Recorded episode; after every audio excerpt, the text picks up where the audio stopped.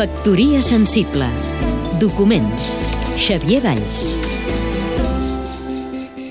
En les natures mortes i en les figures, que són de fet els gèneres que m'agraden més de la pintura de Xavier Valls, Jaume Vallcorba, amic de Xavier Valls i editor de les seves memòries, La meva capsa de Pandora. hi ha una quietud, hi ha molta quietud, hi ha silenci i llum.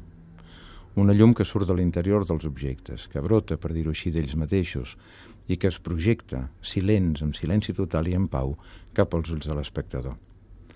Per això potser tenen alguna cosa d'epifànic i de culminació, com per sorpresa, d'un esclat que s'expandeix al llarg de l'espai sense temps. Factoria sensible. Seguim-nos també a catradio.cat.